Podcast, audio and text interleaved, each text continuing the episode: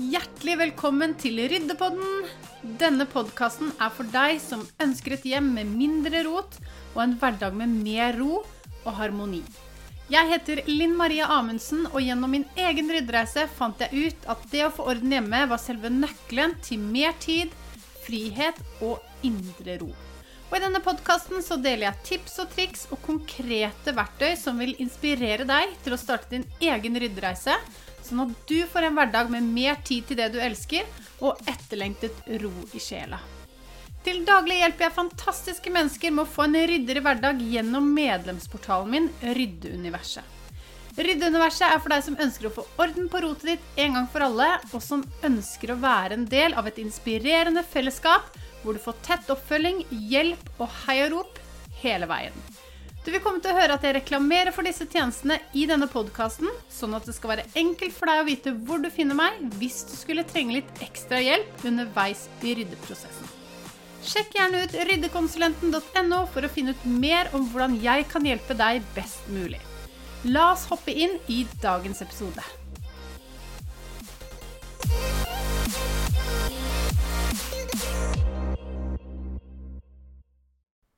Velkommen til dagens episode.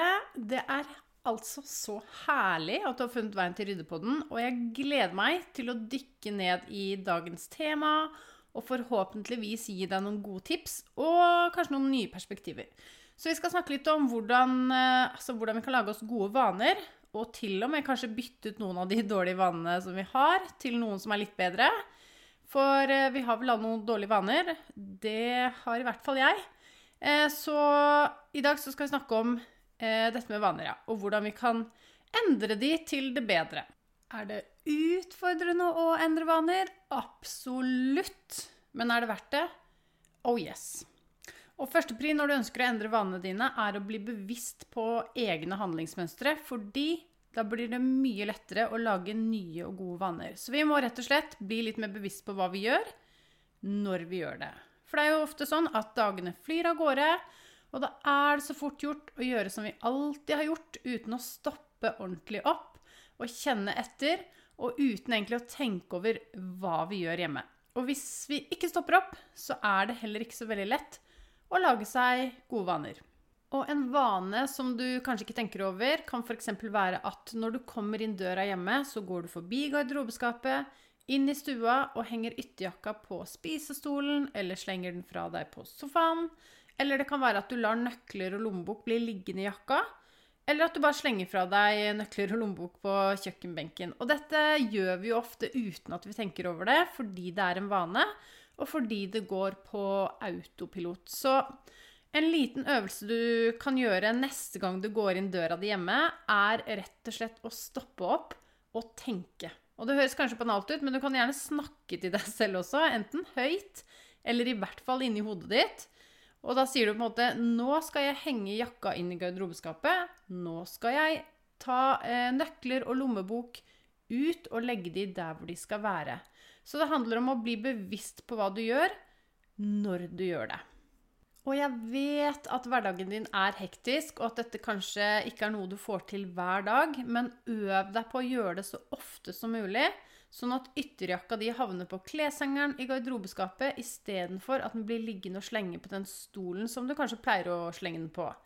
Og til syvende og sist så tar det deg kortere tid å henge den fra deg på riktig plass med en gang, enn at du må rydde den opp etterpå. Og vaneendring er utfordrende, men det er også veldig gøy å bli mer bevisst på egne handlingsmønstre og lage nye, gode vaner, fordi det vil spare deg for masse tid på sikt, noe som vil fri tid til å gjøre artige ting istedenfor å rydde hele tiden. Så tenk etter neste gang du kommer hjem fra jobb. Hva er det jeg gjør når jeg går inn døra?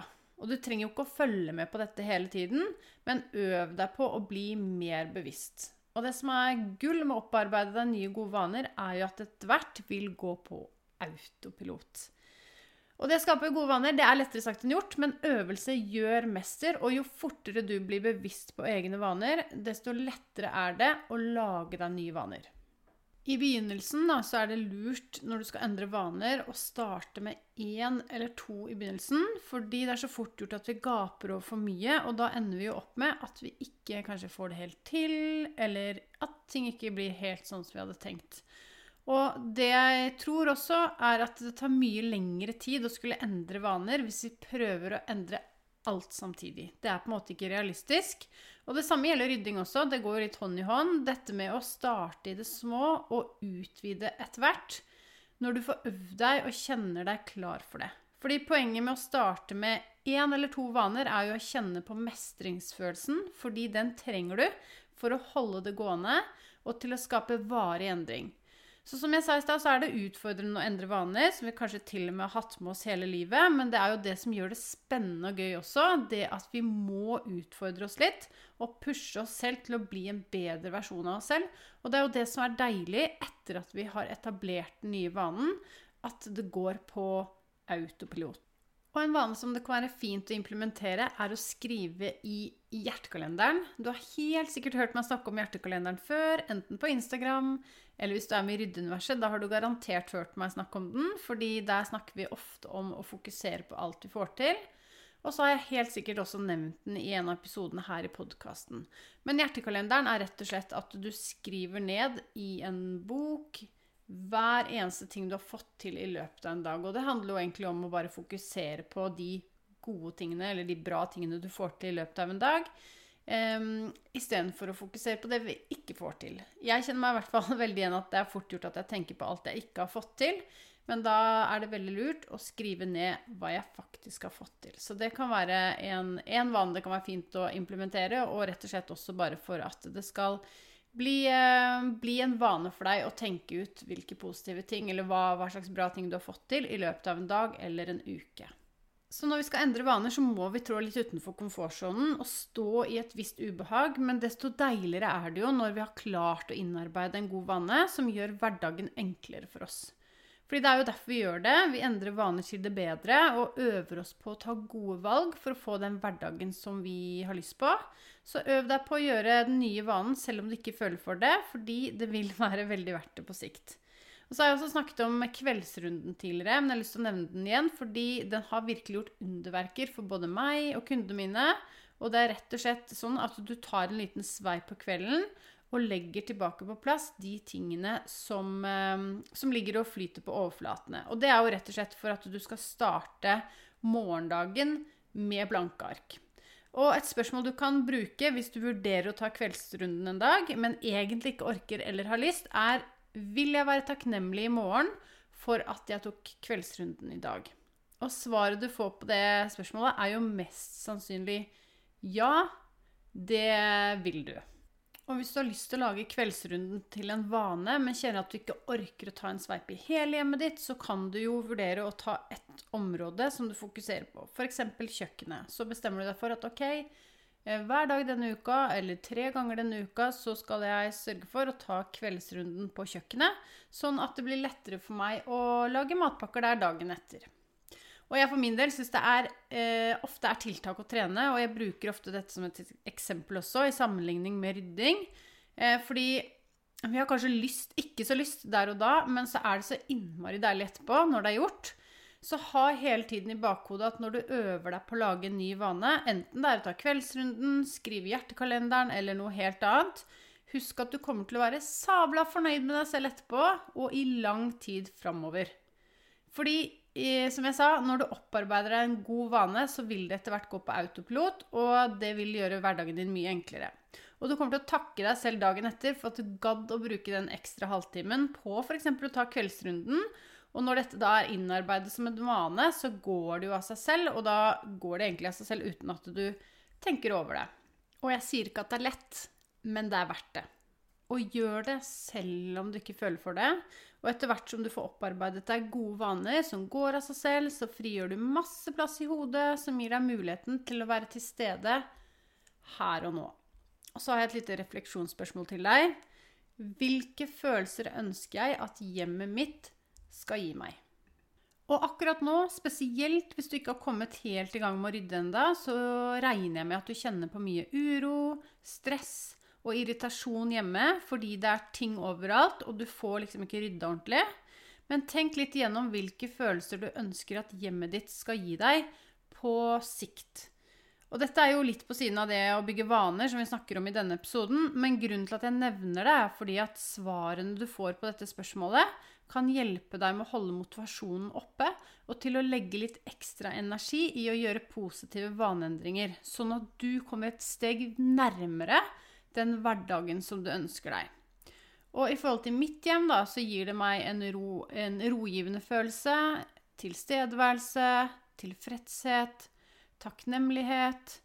Og så er det ikke sånn at jeg har det strigla til enhver tid og alltid føler det sånn hjemme. Jeg har overflaterot som alle andre, men jeg får huset mitt raskere tilbake til et rogivende sted å være, fordi det går fort å rydde når alt har en fast plass, og jeg ikke har fylt det opp med så mange unødvendige ting.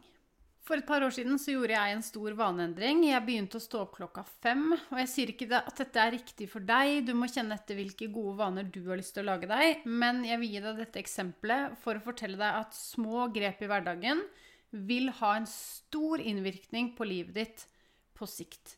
Det er et levende bevis på. Jeg kan ikke få sagt det ofte nok. Og folk får selvfølgelig sjokk når jeg sier at jeg står opp klokka fem. Herregud, det er midt på natta. Og det er jeg for så vidt enig i, men grunnen til at jeg gjør det, er fordi at jeg får tid for meg selv uten forstyrrelser mens resten av verden sover. Og er mer kreativ på denne tiden av døgnet. Jeg får mer energi av å stå opp tidlig.